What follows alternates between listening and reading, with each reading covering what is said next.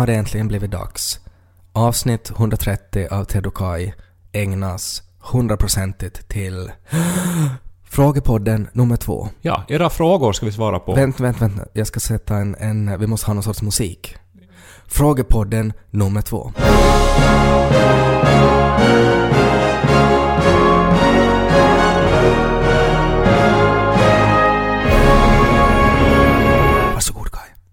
Nå, inte vet jag om du fick filis av det där men... Nej, men det är ändå liksom som att, att vi Jag, jag får ju filis av ärlighet, eller av äkthet. Och när jag äh, märker att någon ver- verkligen nu äh, blottar sitt hjärta, det, det får jag filis av. Mm. Ja. Jag måste inte ha en, en, en jingle eller en, en häftig matta, Nej. alltså musikbakgrund menar jag. Så att det där, därför tror jag ju att det här blir en, en jättefin stund nu, vi ska vara ärliga. Mm. Vi vet inte Jag vill börja med att vara ärlig och säga att vanligtvis så bandar vi ju podden dagen före som det publiceras. Uh, att vi, ba- vi bandar ju det på tisdagar och så kommer det ut på onsdag. Men den här podden så har vi bandat tidigare nu för att Kai just nu är och tittar på otroligt dyra musikaler i New York. Ja, jag är på resa. Ja, Och så jag- den här podden bandar vi tidigare. Precis, men att eh, då passar det ju bra med sådana här tidlösa frågor. Så Mm. att vi inte nu på något vis hamnar i otakt med tiden och eh, eventuella världshändelser. Nej. Utan det här är ju nu då eviga svar på era ärliga frågor. Ja, och ni har ju skickat in alltså otroligt, otroligt många frågor. Alltså det, det är närmare 300 frågor som har kommit in. Tack så jättemycket Tack för det här. jättemycket för det. Eh, och, och det här betyder ju att vi, vi kommer inte att kunna svara på alla de här frågorna. Vi har ju också haft en frågepodd tidigare eh, för, är, det två år sedan? Det var strax eh, när vi hade börjat. Nummer Ja. 30 kanske, 100 avsnitt sen. Ja, eh, så då hade vi en frågepodd. Så där finns ju också svar på många frågor som har ställts till oss nu igen. Så, så vi har gjort ett litet urval, vi har liksom tagit bort dubbletter och sen har vi tagit bort saker som vi annars också har pratat om en hel del i den här podden som det finns svar på. Och så har vi också kanske tagit bort frågor som, som eh, berör områden som, som saker vad man kan prata om i en podd och sådär. Ja, till exempel är ju det här en svenska Yle-podd, vill vi ju stryka under. Och eh, det gör ju då eftersom det är Yle som gör det så får vi inte nämna varumärken Nej. eller eh, så att säga eh, lyfta fram någonting kommersiellt. Exakt. Så att det måste vi också undvika. Ja, så att om någon frågar att vilken är er favoritbil, så då kan inte vi riktigt svara på det. Och det skulle inte jag kunna svara på ändå fast jag skulle få nämna ett bilmärke. Mm. Vet ingen skillnad. Färger kan jag urskilja. Ja, just och just, vill jag poängtera. Men eh, jag har nu då en, en massa frågor som, som jag har eh, kurerat lite. Uh, Kai, är, du, du vet inte riktigt vilka de här frågorna är? Jag har inte hört en enda av dem. Nej, och vi tänkte att det här är lite spännande sådär att det blir ändå för att någon av oss måste se de här frågorna före. Eh, så det är ju bättre då att, att en av oss bara har gjort det och att den andra lite sådär. Du får, du får leva i stunden helt enkelt. Sen har vi också ett liten, eh, en liten grej med oss idag. Eh, vi har Los lejonficklampa. Och det som är speciellt med lejonficklampan är att när man lyser med den så öppnar den munnen och låter så här. Jag kan säga att det i morse var en man som skulle undersöka vår vägg när vi ska installera ett nytt kök. Mm. Och han hade med sig en ficklampa som han lyste bakom diskmaskinen med. Och nu skulle det vara otroligt roligt om man skulle ha haft den där. Som ju faktiskt lyser bra och funkar. Ja, så är det. Det är ju alltså tro, ens trovärdighet som, som hantverkare kanske lite går om man har en lejonficklampa i bältet. Uh, också sådär dåligt om man tänker att man är inbrottstjuv och sådär och någon ligger och sover och så nu ska jag se vad kassaskåpet är. Vad var det för ljud? Så, så inte jätte, jättebra. Men jag tänker att vi använder oss av den här idag, att om det är så att det kommer en fråga som en av oss tycker att det här vill jag inte svara på, eller nu har, nu har vi båda eller den andra pratat för länge, att nu ska vi gå vidare. Det här, det här ljudet, Betyder det att vi är fega då? För nu ska vi ju svara på allt. nej, det betyder att vi går vidare. Ja men vi har ju lovat att vi ska vara ärliga och svara på allt. Jo, jo, men, men ibland så kanske man inte vill, eller att, att man är inte liksom mentalt tillräckligt stark för att ta ställning till det här just nu. Ja, nu kändes det nog som att du lite försöker fega ur här. Hela poängen med... Nu går vi vidare.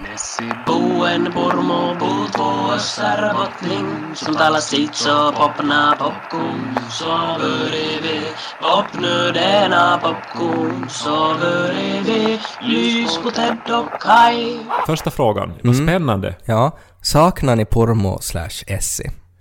Ja, ibland saknar jag Essie, min hemby, i, som jag bodde i i 20 år ändå. Det är ju klart man saknar den. Mm. Mamma och pappa bor där också. Jag saknar ju dem ibland. Ja, jag skulle säga att för mig är det kanske mer att jag saknar eh, på något sätt den här liksom nostalgin, alltså det här psykologiska med att vara barn och att inte ha ansvar och bo hemma. Alltså att det är mer liksom känslan av det som jag saknar. Ja, det är ju när jag ser på serier så som Stranger Things så saknar jag ju det här att kunna cykla omkring till vänner, till butiken, till sportplan och liksom bara cykla för cyklandets skull och för att sen hänga där en stund och cykla bort. Och som man sa, Stranger Things är en ganska fin liknelse också för att det var ju lite som att, att komma till Upside Down, det var ju som att cykla ända till Essie. Att det är sådär att det är jätte, jättekonstigt. cyklar du Det någonsin till mörkt. Essie? Det tror jag inte Nej, du någonsin Okej, gjorde. åkt skoter till Essie. Jag har cyklat till Pormo ganska många gånger. Ja. Men eh, det är ju också, alltså Essie erbjuder mig inte egentligen någonting. Nej, man har inte riktigt någon, någon tillvaro, eller så här någon... Alltså någonting som skulle vara sådär att det här gör jag där. Nej, som skulle alltså- få en att hela tiden komma tillbaks. Nostalgi och sen förstås vänner och familj. Men när Mm. man har besökt allihopa så sen om man ska vara liksom... Alltså en, en- vardag i Essie har jag hemskt Mm. svårt att föreställa mig. Men det största som jag saknar därifrån så är ju modersmålet. Alltså att man kan klara sig på sitt modersmål. Man pratar dialekt. Ja, det stämmer. Och det är inte lite. Okej, vi går vidare. Fråga nummer två. Kai var väl väldigt kristen förr, men inte något mera. Vad hände? Ja, nå, det här är ju en bra fråga, men det är ju det här som är... Alltså du frågar ju efter min livshistoria där. Eh, och det, det är ju omöjligt att ge ett snabbt svar på, speciellt inte i en sån här frågepodd. Alltså Nej. eventuellt skulle jag kunna göra en poddserie om det här med att eh, tro och sen utmana tron och sen att så småningom förändra tron. Ja. Och det här är ju någonting som tog 10 år, eller 11-12 år. Jag är det inte typ länge. alla dina böcker handlar om det här? No, alltså, jag, alltså det är ju absolut ett återkommande tema i mina böcker. Mina romaner har handlat om olika saker men där finns alltid den här tron i botten. Eh, och det är alltid någon karaktär, om, om inte huvudkaraktären så i alla fall en större bifigur som kämpar med de här frågorna. Så det här är ju alltså mitt, min historia. Så... Det, här, eh, det här skulle i princip kräva liksom ett sommarprat för att ge svar på. Sommarprat är väl inte heller jättelångt. Alltså jag menar om Knausgård det kan här skriva skulle, det här skulle 3000 kanske krävas ett rikssvenskt sommarprat. Det här kräver kanske ett livsverk. Alltså Okej. att, att om jag har lyckats i mitt liv besvara den där frågan med alla mina böcker och allt som jag gör så har jag ändå gjort någonting eh, viktigt tror jag. Okej, men kan inte vi, kan du ge, liksom för, för jag menar, här, det är väldigt specifikt att Kai var väl väldigt kristen före men inte mera. Vad hände? Kan du åtminstone ge en teaser, alltså en trailer till det här ditt livsverk? Att kan du, finns det liksom en film eller någonting som skulle kunna ge en, liksom skulle du kunna säga att det var Gladiator? Nej men det här handlar ju inte om att jag hade långt hår förr och nu har jag inte det. Hur, hur gick den processen till? Utan det handlar ju om att mitt liv såg ut på ett sätt under de första 20 åren och under de senare 15 åren hade sett annorlunda ut. Eh, Men det var ju inte som en dag när allting ändrade. Utan det var ju en sån här 10 års glidande eh, förändring däremellan. Och det här, det har ju en hel del att göra med att växa upp, det har en hel del att göra eh, med att lära sig mer om livet, om sig själv, om psykologi, om människor, om att läsa, om att resa, om att pröva på nya saker, om att se större perspektiv. Det, det är ju en allmän utveckling, men så rent konkret såna här vändpunkter som hände så var ju att jag fick jobb på Radio Extrem till exempel. Uh, lärde känna så jättemånga nya människor och eh, och sen så förstås att jag flyttade bort från Österbotten. Och, eh, och sen förstås tror jag att alla som hör till en minoritet, och jag hör nu då till flera stycken, men eftersom jag är homosexuell har jag ju hamnat att, att utmana eh, omgivningen alltid, och mig själv. Att jag hamnar att tänka mera på vem jag är och vad det betyder. Och det hamnar allihopa som inte hör till en liksom norm Ja, att göra. okej. Och eh, det här har ju säkert då eh, gjort i längden att jag har tänkt saker som har fått mig att förstå saker och så vidare. Ja, så sex med karlar. Okej, vi går vidare. Här kommer nästa fråga.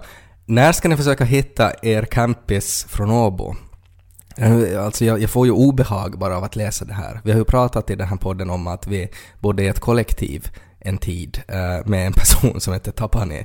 Det som, var Ted och Kai och Tapani under några månader. Ja, eh, och, och det var otroligt pinsamt och, och fruktansvärt att, göra, att, att bo med en, en som pratar bara finska. Uh, och hur det liksom på något sätt ledde till att man blev ju till, till, till en annan person och fruktansvärt var det. Och jag, jag har ju, jag, jag vill verkligen inte överhuvudtaget liksom tänka på Tapani mer och jag vill verkligen inte få kontakt med honom igen. Nej, och nu säger du det här med ett leende, men Mm. jag vet ju eh, den där känslan du har, för jag har exakt samma känsla.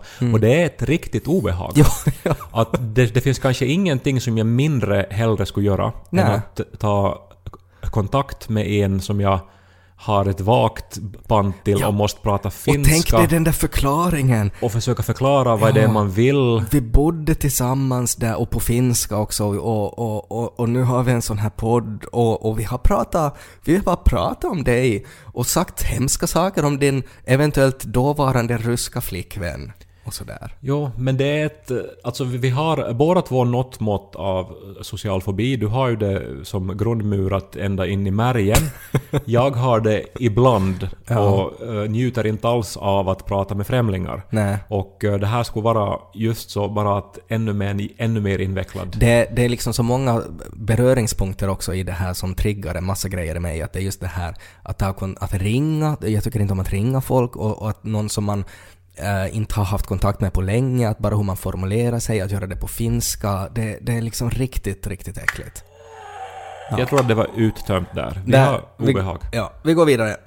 Varför är Kai så otroligt bitter på och anti mot humorgruppen Kai? Det är inte kul eller klädsamt, det blir bara pinsamt faktiskt. Är det, Klädsamt är ett intressant ord. är det Jakob Norrgård som har skickat in? Det låter lite som hans ordval nog, klädsamt. Ja, no, jag skulle ju uppmana den här människan att klippa ut det ställe där jag då är bitter mot humorgruppen Kai på ett eh, Oj. liksom... På ett, Jag sätt, bara att. På ett- Vilket jobb alltså! på ett sätt som måste förklaras ytterligare. Jag har väl... eh, Jag anser mig inte vara bitter och jag har väl Nej. också motiverat Ja. vissa grejer. Ja. Jag gillar ju dem. Alltså jag, eh, spe- speciellt Axel Åhman har jag ju alltså upplevt att, ja, alltså att jag vill på något vis vill du vara nära. Att jag vill vara hans vän och jag vill Det gärna... var ela, elakt sagt mot Jakob och Kevin det där. Nej men alltså jag har inte umgåtts så mycket med dem. Jag har Ja. umgåtts mest med Axel och hans fantastiska flickvän Louise. Mm. Och eh, vi det här har haft roliga aftnar tillsammans och jag har tycker jag fått ett bra utbyte och jag vill gärna umgås mera. Mm. Eh, men nu måste vi få prata om de... Alltså det är ju väldigt få människor som håller på med underhållning i Svenskfinland. Mm. Så då måste vi väl få prata om varann. Ja. Och eh, så, så är det ju klart att man konkurrerar ju om samma publik. Ja. Och, och, men inte, inte ska jag heller sticka under stol med att jag, att jag önskar att humorgruppen Kai ännu en dag ska ta mera risker. Mm. Att de ska... Alltså in, nu, men det, det är ju alltid en risk att lägga stor eh, energi och mycket tid och pengar på till exempel en musikvideo. Och de riskerna har de ju tagit, alltså mer än många andra och det har ju också gett stor utdelning åt dem. De är ju störst i Svenskfinland när det handlar om underhållning. Och med rätta så, de gör ju jättebra grejer. Men jag önskar också att de ska använda eh, sin position till att ta risker och, och liksom utmana sig själva. Göra, en- alltså det, att göra humor och underhållning på, på hemskt många olika sätt. Men nu, nu gör de ju en musikal. Mitt i allt är den provokativ och utmanande och experimentell. Ett jättebra svar tycker Den jag. heter ju dock en ordvits, den här musikalen, så jag, I'm not... Jag har inte jättestora förhoppningar.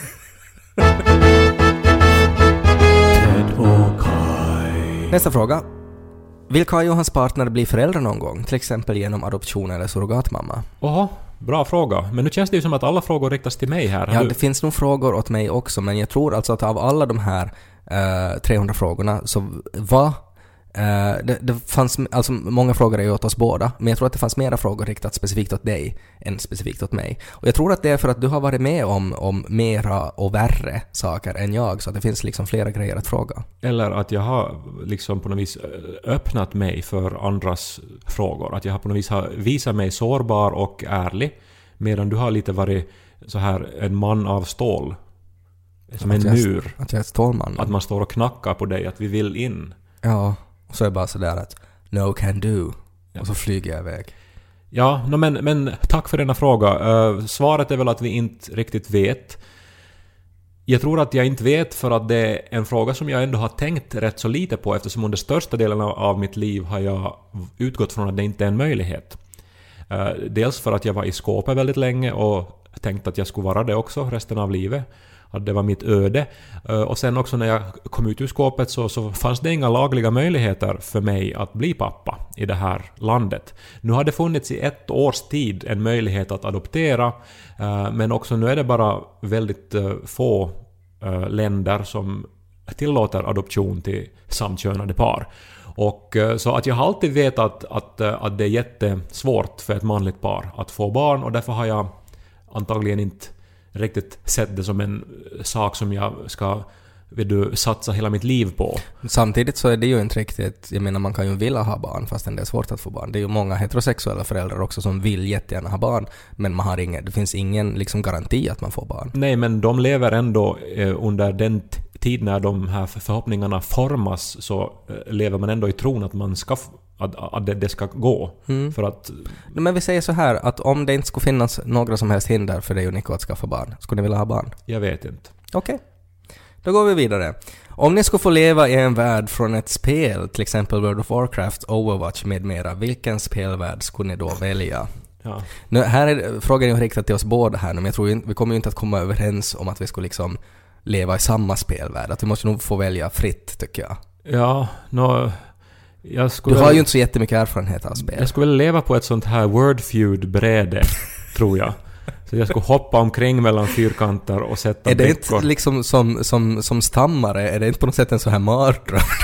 att du liksom hoppar omkring bland bokstäver och ord, en massa k-k-k-kon och sådär. Ja, nå, men det är ju som den spelvärld jag känner till. Jag har ju inte spelat sen jag var barn. Då har jag ju tyckt om alla men de här klassiska... Vad har du, så, så Super Mario, Mushroom Kingdom, det skulle inte vara för dig det då? det, nej, det skulle vara roligt att kunna liksom äta blommor och sen börja skjuta eld och, och liksom få en cape så man kan flyga. Ja. Så kanske något sånt. Ja. Men det är ju nog det- din fråga det här. Ja, nå, det är ju det är väldigt, väldigt svårt att välja värld här, men jag tror ju att jag skulle faktiskt välja eh, Fallout-universumet. Uh, Fallout är ju ett, eh, ett rollspel som, eh, alltså parallelluniversum i princip. Det utgår från att det blev liksom totalt kärnvapenkrig eh, någon gång på 50-talet. Men vill du leva i den världen? Det Ja, jag vill leva för, för att sen så byggde de så här enorma underjordiska valv dit folk flyttade och bodde. Eh, och så klättrade de upp då, på, liksom upp på marken då någon gång. Alltså din asociala läggning har ju gått för långt här nu om du vill bo i en bunker Nej, jag i vill en inte- dystopisk jag framtid. vill ju gå ut ur den här bunkern för då är världen till en sån här Mad Max-aktig universum så att det är liksom, det finns mutanter, du får köra omkring med traktorer och skjuta folk och slänga spjut på dem. Men så finns det också såna här science fiction-element i det. Så det tycker jag skulle vara fint. Giana Sisters-världen från Commodore 64. Kopierad av Mario, men feministisk. Vi går vidare. Vad är det roligast skämt ni någonsin har hört eller bara något annat kul som ni har sett eller upplevt?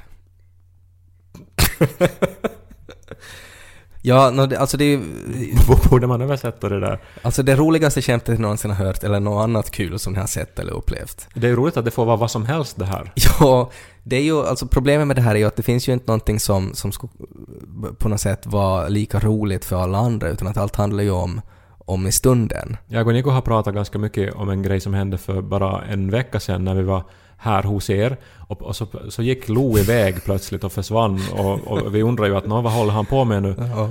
Och så, och så plötsligt hördes det från rummet intill Kai, Kai, kom och titta när jag bajsar. Ja. Och det där har han inte, han har inte alltså gjort det där åt någon annan, utan att han är ju alltså, oftast så är det väldigt specifikt att, att man vet att han ska, att det kommer bajs för att han säger ”mamma, pappa springa bort” och så får han en sån här vild Rambo-blick. Eh, men att med dig så var det raka motsatsen, att du skulle komma och titta. Men det var en otrolig härskarteknik också. ja, Kom och skåda deras sikter. ögon, Ses det till? ja, ögonkontakt hela tiden. Ja. Jaså, vad ska vi tala om då?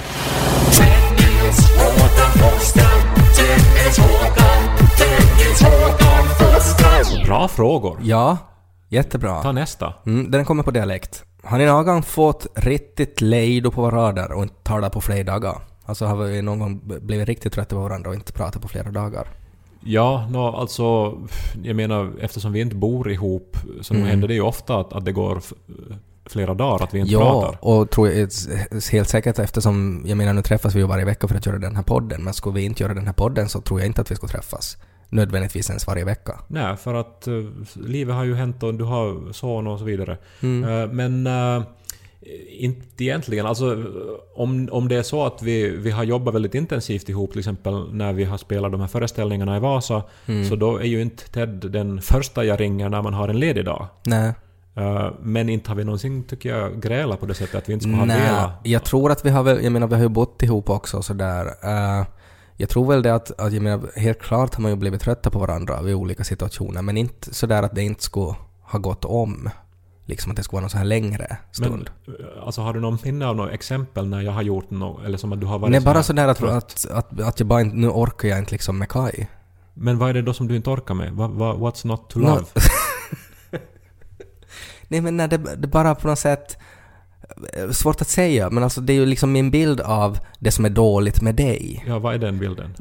det, det är olika saker. Men öppna någon av dem. Ja, jag försöker tänka på några exempel. Nej men att ibland liksom att om man diskuterar någonting så kan du ha jättesvårt att släppa någonting eller på något sätt styra in det på någonting som att jag menar att det var inte riktigt det där vi pratar om just nu men att du är liksom helt besatt av att vinna det här argumentet. Så att då är jag bara sådär att okej, ja ja, nu blev Kaj sådär. Jag orkar inte ta den här fighten just nu. Att då kan det vara sådär att, att man, jag orkar inte med det här Men om jag formulerar mina argument bättre så då har ju jag vunnit Ja, men diskussionen. det, ibland handlar det inte om att vinna en diskussion utan att det handlar om att jag bara liksom undrar vad du tyckte om det här och att det att du kanske tycker totalt annorlunda än jag så betyder inte att jag har någon så här lust eller ork att försöka ändra din åsikt. Kanske det där att, att du har svårare att acceptera att någon kan tycka annorlunda utan att försöka på något sätt ändra den här åsikten. Men jag tycker jag är väldigt öppen för alla nya tankar. Ja, det är du inte. Ja.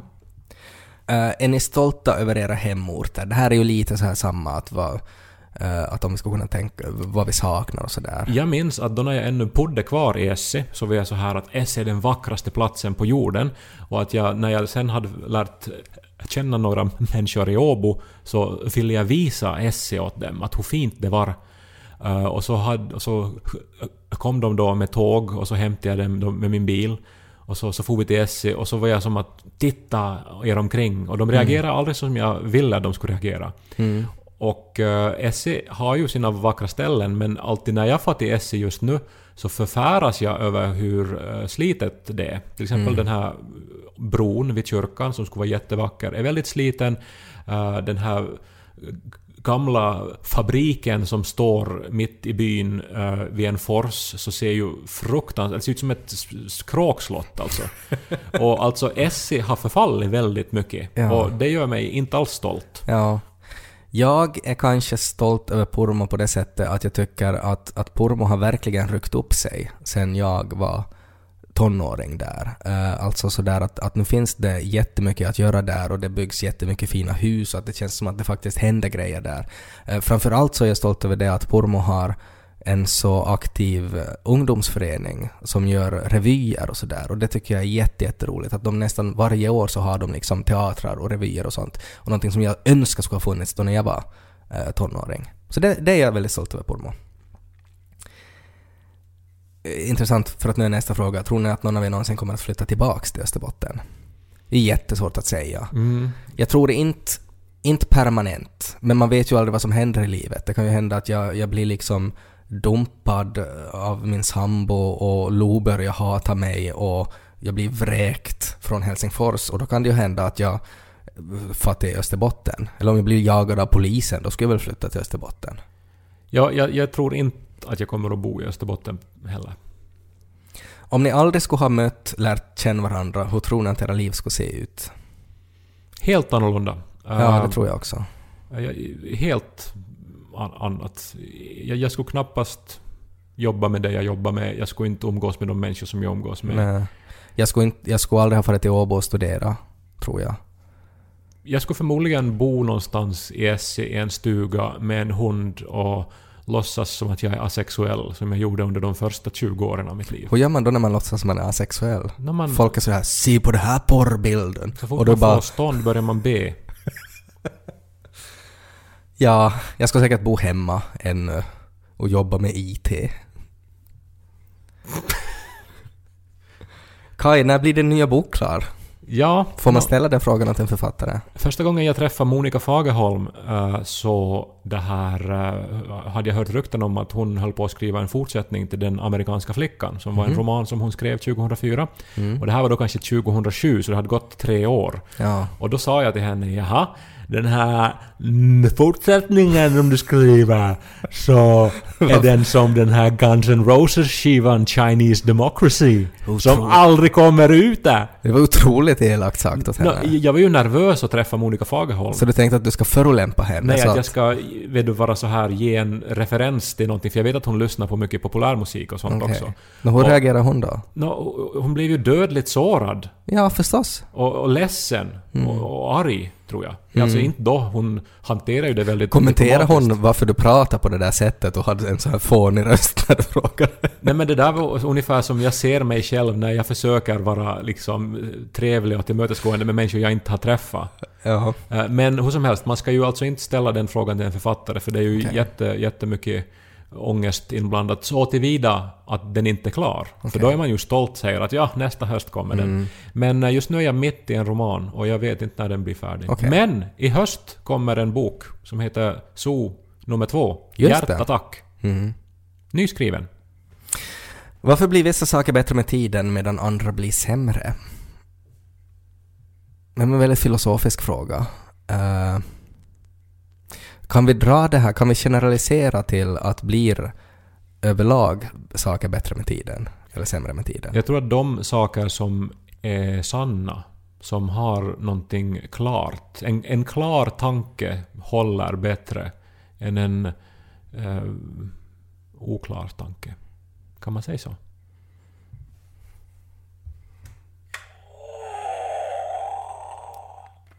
Gör så här så behöver inte fundera om man kan säga så. Nej men en sak är ju intressant där, att när jag är i skolor och föreläser, eh, så om det sen är frågor, så oftast får jag frågor om Mumin visar allt. Mm. som är den här serien som vi gjorde för 13 år sedan. Och efter den har jag ju gjort radio, TV, skrivit romaner, skrivit ungdomsböcker, gjort teater. Men det är den som folk eh, som tydligen håller. Mm. Och det är ofattbart egentligen. Men samtidigt så måste det ju vara någonting att den uh, var eh, så här rolig på ett eh, sätt som uh, transcenderar tiden då. Ja, att det blir varken bättre eller sämre med tiden. Ja. Jag tror, om, om jag ska vara filosofisk så tror jag ju att livet blir bättre med tiden. Om man tänker sådär, om man tänker tillbaka också på ens ungdom och sådär och allt vad man tyckte var jobbigt och ångestfyllt och sådär med högstadie, gymnasie, studier och sådär. Eh, Så det är ju grejer idag som känns sådär att ja, men att det blir nog bättre. Att man uthärdar bara lite. Här är en fråga till mig. Om Kai skulle hålla på att ramla ner för ett stup och Lo skulle hitta en låda med tvättmedel, vem skulle du rädda? Uh, nå, i, I det här fallet så skulle jag väl säkert rädda Kai för att jag tror att jag skulle hinna göra det innan Lo skulle uh, ta livet av sig med det här tvättmedlet. Han är ju så stor nu också så jag tror inte att han skulle liksom genast börja äta det. Men att om jag skulle byta ut det mot någonting lika farligt för Lo, liksom att om, om Lo också håller på att gå ut för ett stup, så förstås skulle jag ju rädda Lo. När jag var liten så var jag ofta eh, hos min mormor och morfar som bodde granne med oss och eh, bredvid deras toalett så hade de en låda med pulvertvättmedel. Mm. Och alltid när jag satt på toaletten och, och bajsade då Mm. så, så hade de... Alltså det var också en sked i den här som de doserade med. Så Mm. åt jag alltid en sked av det här tvättmedlet. och så spolade jag och fortsatte leka. Att du åt tvättmedel alltid när du var på vässan? Ja, en sked Men det är ju ungefär. giftigt. Det är ju supergiftigt. Ja, nu blev det väl kar av mig ändå. Men vad var det som... Alltså, tänk... Varför gjorde... Eller liksom, tänkte du att det var därför det fanns där? Att sen när du har kackat så tar du en skopa Nej, men tvättmedel? du som har barn, barn gör ju grejer bara. Infall. Okej.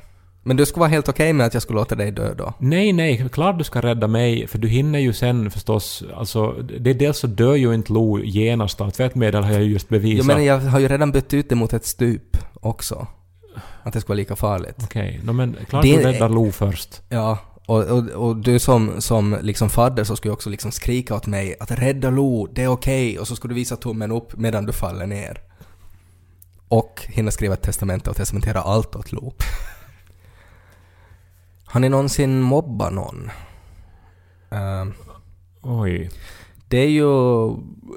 Det är ju jättesvårt att säga. Jag tänker på något sätt eh, på mitt lågstadie. Mm, så vi var då, vi var 12 pojkar på klassen. Och jag kommer ihåg en dag när lärarinnan var jätte, jätteledsen.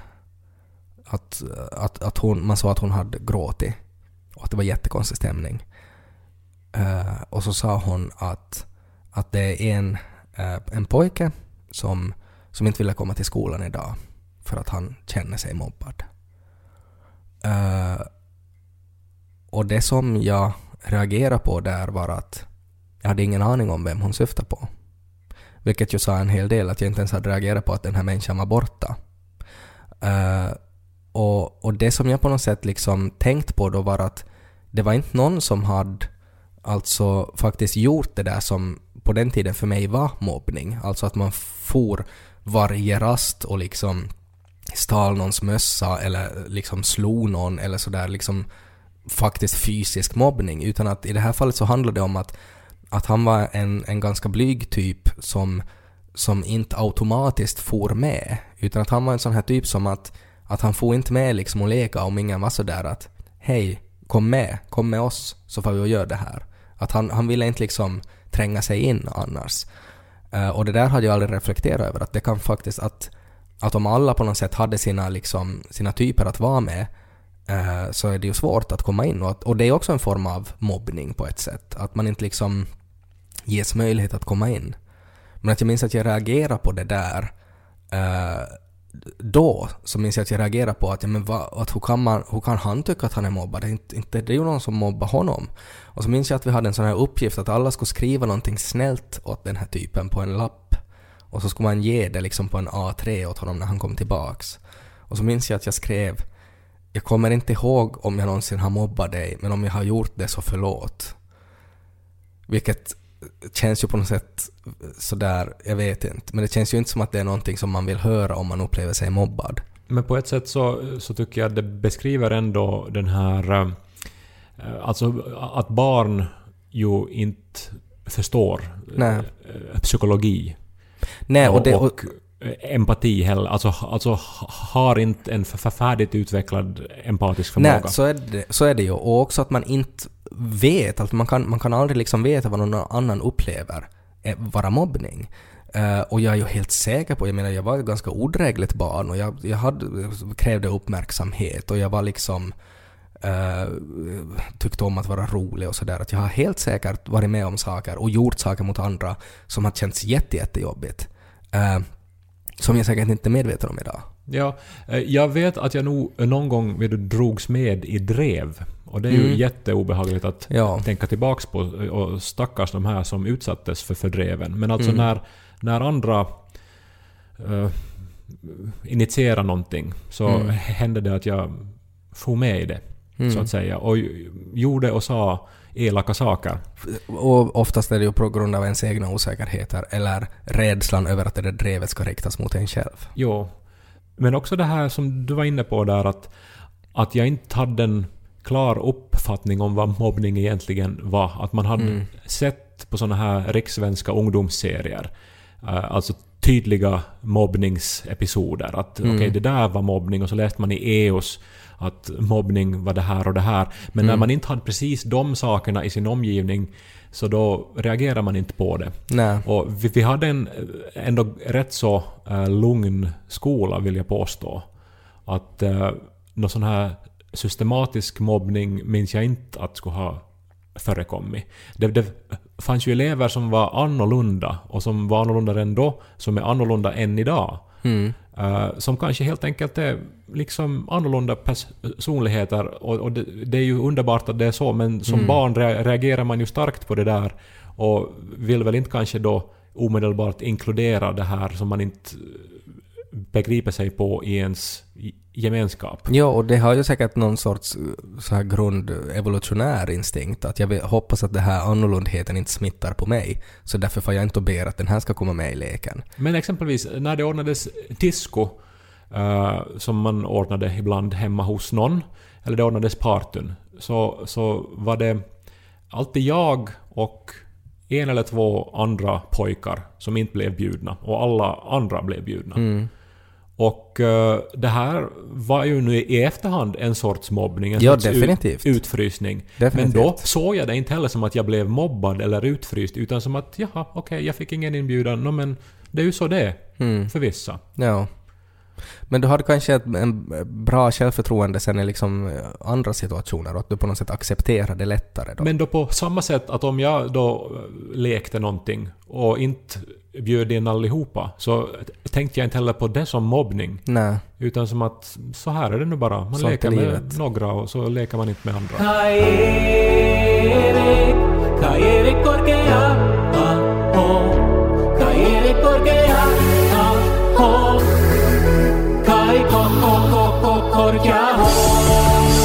Vem av er värderar er vänskap högst? Så här tvära kast mellan de här frågorna. Jag tror att jag värderar vår vänskap högre än vad du värderar vår. Jag tror att man måste först definiera vad man menar med den här vänskapen. För jag tror att du värderar vänskap på det sättet att du inte klarar av att vara ensam på ett annat sätt än vad jag klarar av att vara ensam. Att jag, jag skulle inte liksom behöva vänner till lika stor utsträckning som du behöver. Och på det sättet så värderar du vår vänskap högre liksom eh, inom, inom det tankesättet. Men sen så tror jag att, att eh, jag kanske värderar eh, liksom min vänskap med dig som individ eventuellt högre. För att jag har hemskt få vänner som jag eh, värderar på det sättet. Mm.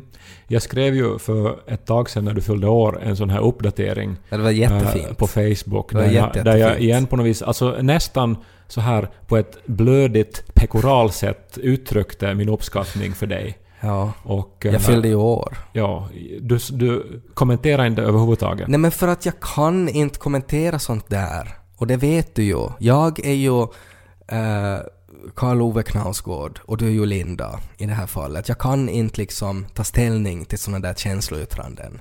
Men Jag, jag, går i lås och du, du vet att jag uppskattar det men du vet att du får ingenting tillbaka. ja, men det där är nog väldigt viktigt eh, att man eh, liksom minns att man har olika sätt att eh, behandla känslor. Det, det är Mm. kanske också en nyckel till ett bra förhållande. Att man förstår det, identifierar det och förstår att det inte handlar om att känslorna inte skulle finnas. Mm. Utan att man, man ser den på ett annat sätt. Ja. Som att när jag kom hit idag så hade du redan lagt upp kaffe. Mm. Det är väl ditt sätt att göra en Facebook-uppdatering om hur viktig jag är för dig. En hemsk människa. Hur känns det för Kai att alltid komma som andra? Har ni någon gång övervägt att heta Kai och Ted istället? Här är ju grejen, orsaken varför vi, vi lanserade begreppet Ted och Kai var ju för att, delvis att vi tycker att det klingar bättre men också därför att Forsström kommer ko- före Korkeaho i alfabetet.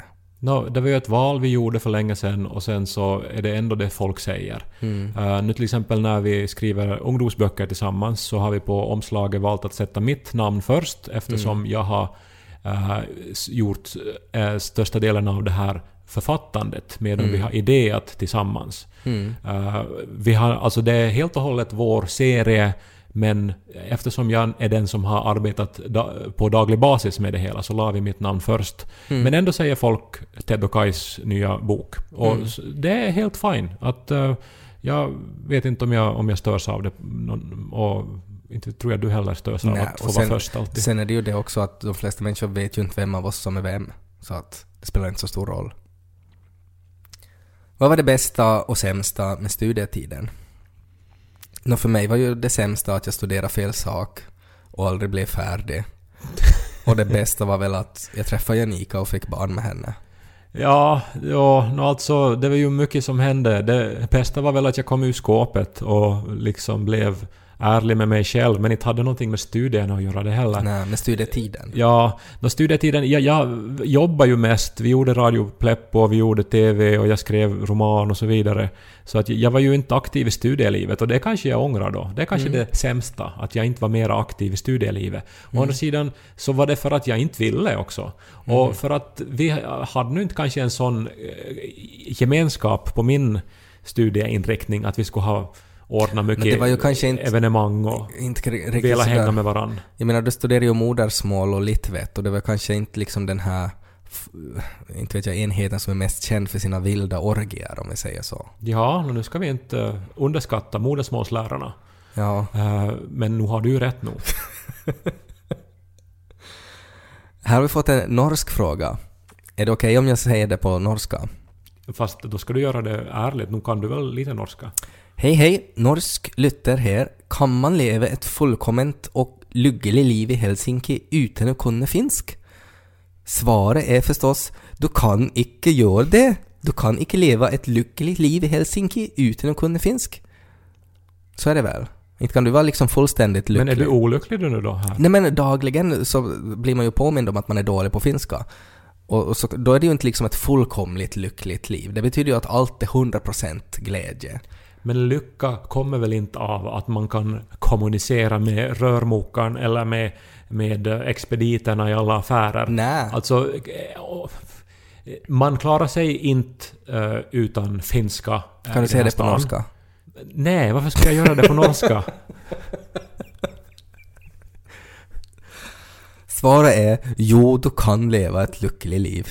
Man alltså, allt, jag menar, vi var på en restaurang i, i, för några dagar sedan eh, där de endast betjänar oss på engelska. Och det var fantastiskt. Och, och det här har blivit också vanligare att det finns krogar och sånt där de bara pratar engelska. Mm. Och man klarar ju sig inte då heller och lever ett fullständigt lyckligt liv i Helsingfors om man inte kan engelska. Mm. Men eh, det finns väldigt lite finlandssvenska rum ute på stan Mm. i den här stan. Så är det. Svaret är halvfärs kanske. Halvfjärs är väl danska? ja.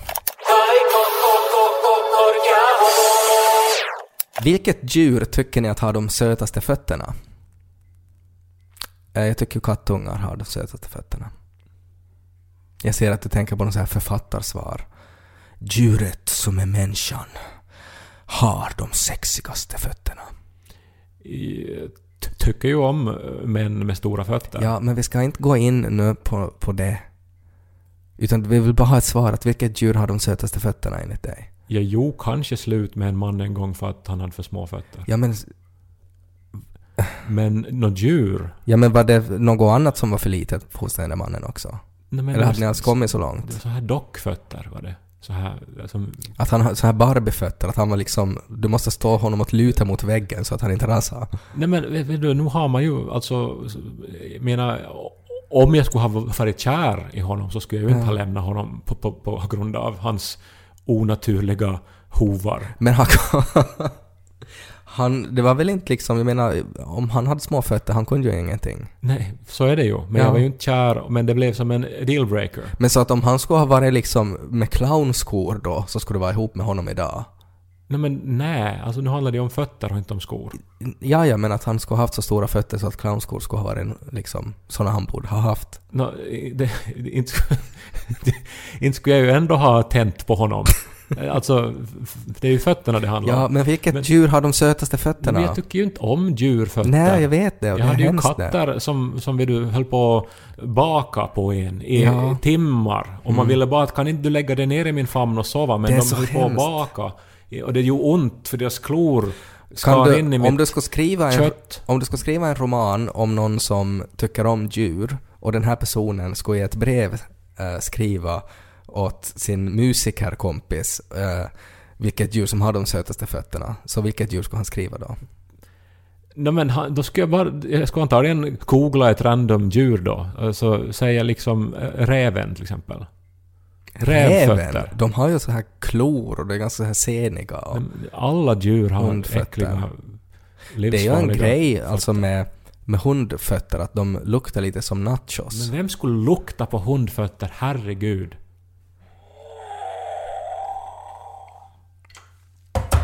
Här har kommit flera frågor om tips för hur man ska få hjälpa någon att komma ut ur skåpet, eller är det ens nödvändigt att komma ut?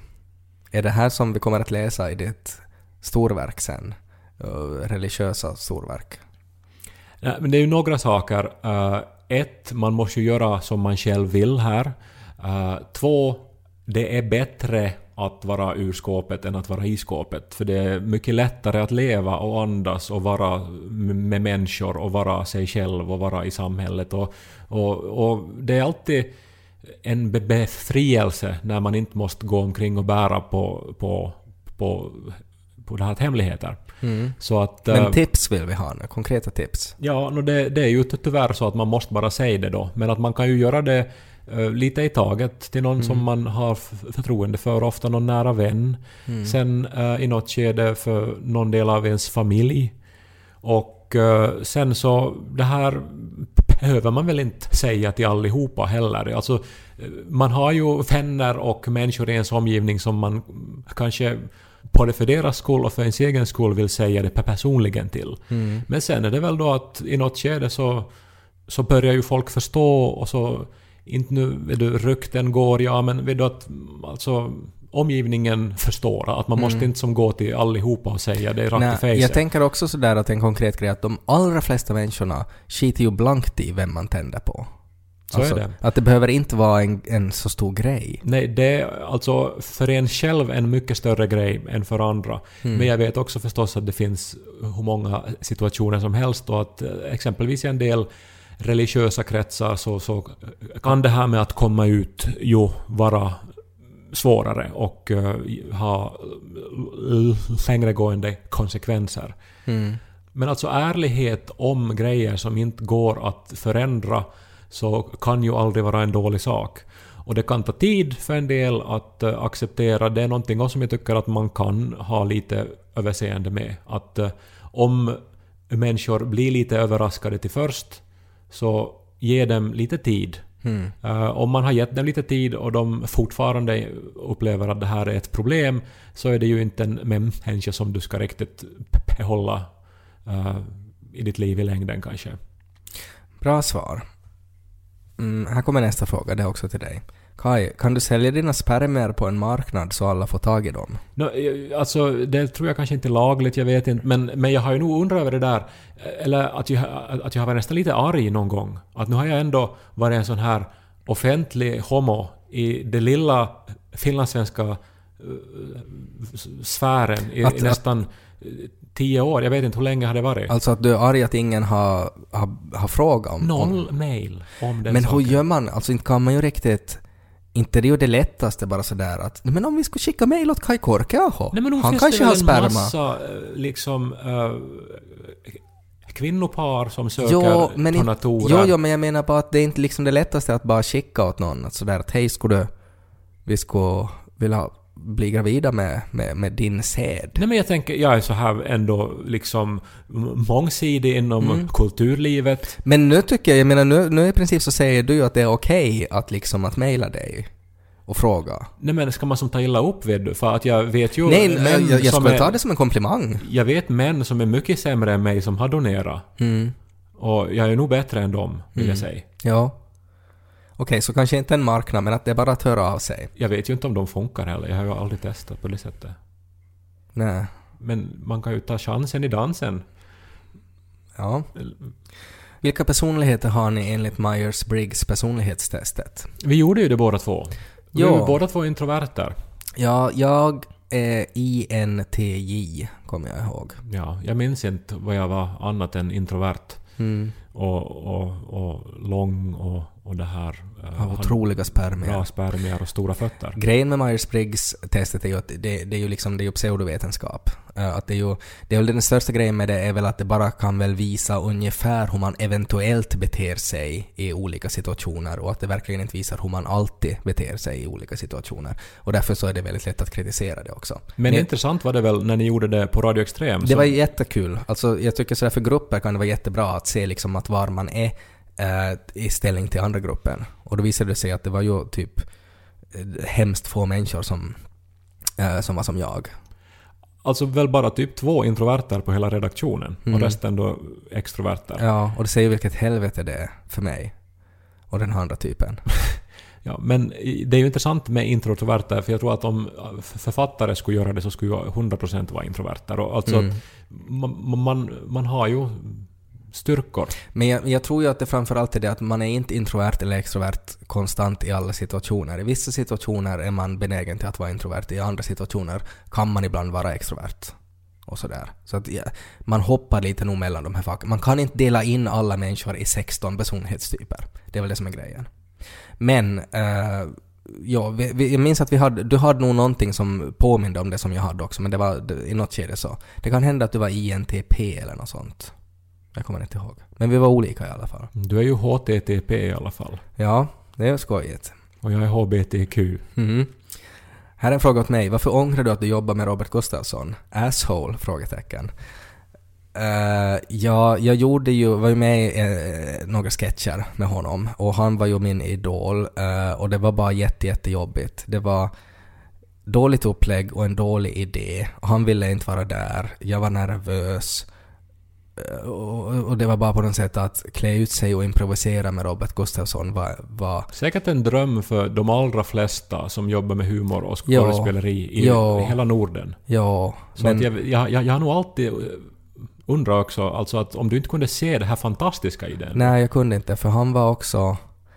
eh, han var väldigt, väldigt tillbakadragen och skulle inte ens ha sagt hej åt mig om jag inte skulle ha gått in liksom och hälsat på honom.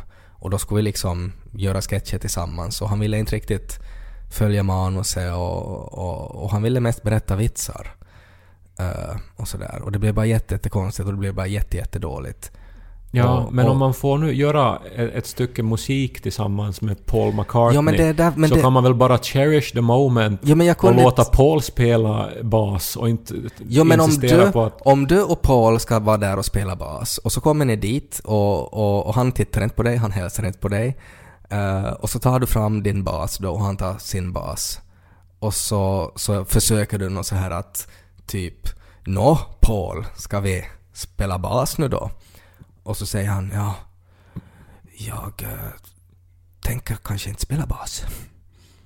Och så blir det jätte, jättekonstigt och man har ingen aning och alla i teamet liksom behandlar honom som att han är Paul McCartney eh, och, och att man ändrar sig alltid utgående från vad han säger.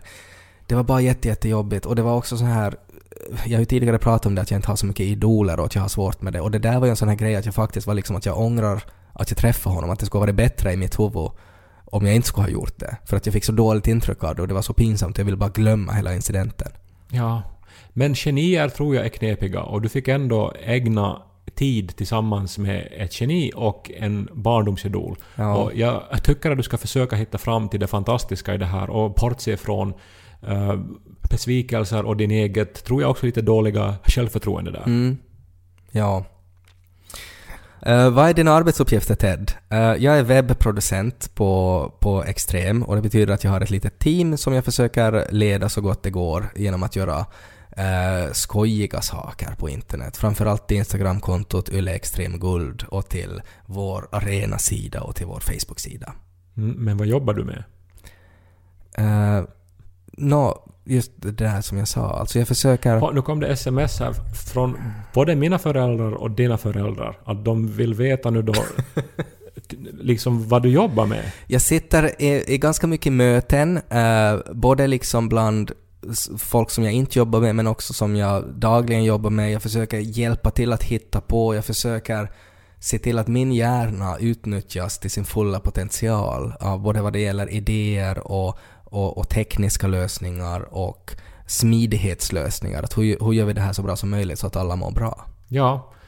Eh, Ett sånt här jobb som du duschar före du far till jobbet och inte efter du har varit på jobbet. ja. Är de nöjda nu? Jag tror de har somnat tror jag. Hur reagerar ni när ni blir igenkända i publiken, till exempel Helsingfors? Får man komma och tala med er? Tycker ni om det?